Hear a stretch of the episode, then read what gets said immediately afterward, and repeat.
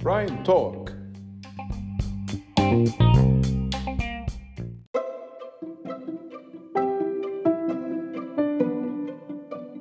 السلام عليكم ورحمة الله وبركاته. أهلا بكم في حلقة جديدة من برايم توك من بحوث برايم معكم عمرو حسين الألفي رئيس قسم البحوث بشركة برايم لتداول الأوراق المالية.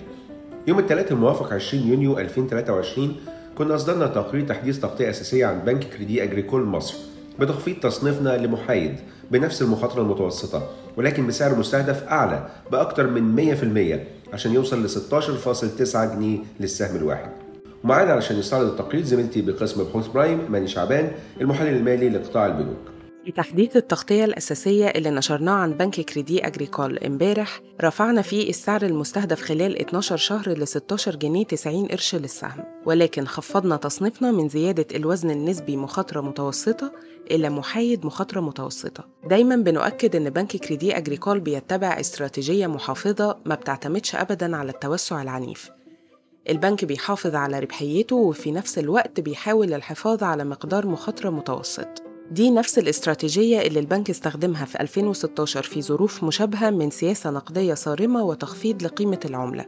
وفي التقرير اللي نشرناه في أغسطس 2022 راهنا على احتمالية إن البنك هيستخدم نفس الاستراتيجية دي لتخطي الظروف المتقلبة اللي شفناها في 2022 وده بالظبط اللي حصل. البنك اعتمد على نمو معتدل في الأصول من غير ما يدخل في المنافسة الشرسة اللي شفناها في 2022 بسبب الشهادات مرتفعة العائد اللي البنوك الحكومية أصدرتها إلا إنه مش بس نجح في إنه يتخطى المنافسة لكن كمان حقق هوامش ربحية قوية مماثلة للي شفناها في سنة 2016 و2017 في 2022 والربع الأول من 2023 البنك اعتمد على انخفاض العملة ليحقق نمو في الأصول وفي محفظة الودائع. فهنلاقي إن ودائع البنك ارتفعت ب 25% على أساس سنوي بفضل انخفاض قيمة الجنيه رغم إن نمو إجمالي ودائع السوق نما بنسبة 33% نفس الكلام بالنسبة للقروض اللي نمت بنسبة 13% بفضل إعادة تقييم قروض الشركات بالعملة الأجنبية مقابل معدل نمو إجمالي عند 32% للسوق كله. كمان بنك كريدي مازال بيفضل إنه يبعد عن الاستثمار في أوراق الدين الحكومية عشان يتجنب ارتفاع معدل الضريبة الفعلي.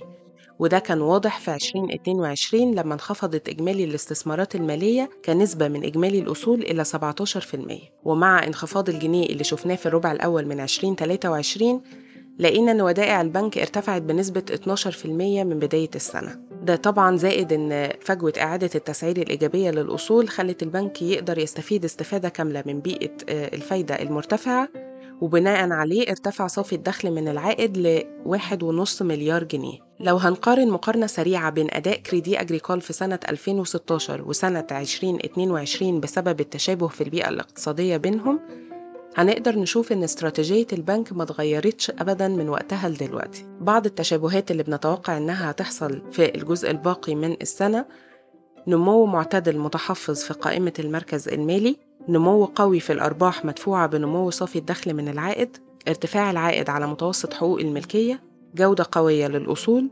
واستئناف توزيع الأرباح السخي. رفعنا السعر المستهدف ل 16 جنيه 90 قرش للسهم. مع تخفيض التصنيف إلى محايد مخاطرة متوسطة بسبب إن احتمال الصعود بنسبة 22% من إغلاق امبارح ما زال أقل من تكلفة حقوق الملكية للبنك. السعر المستهدف الجديد بيدينا مضاعف قيمة دفترية ضمني ل 2023 يبلغ 1.5 مرة. شكرا أماني. وفي نهاية الحلقة بنوجه عناية حضراتكم لبوابة بحوث برايم my prime research dot com اللي ممكن تطلعوا منها على كل تقارير بحوث برايم ومن ضمنها التقرير اللي اتكلمنا عنه النهارده. وممكن التواصل مع شركة برايم لتداول الأوراق المالية على رقم تليفون 33 صفرين 8 3 وحيد شكرا لكم والسلام عليكم ورحمة الله وبركاته.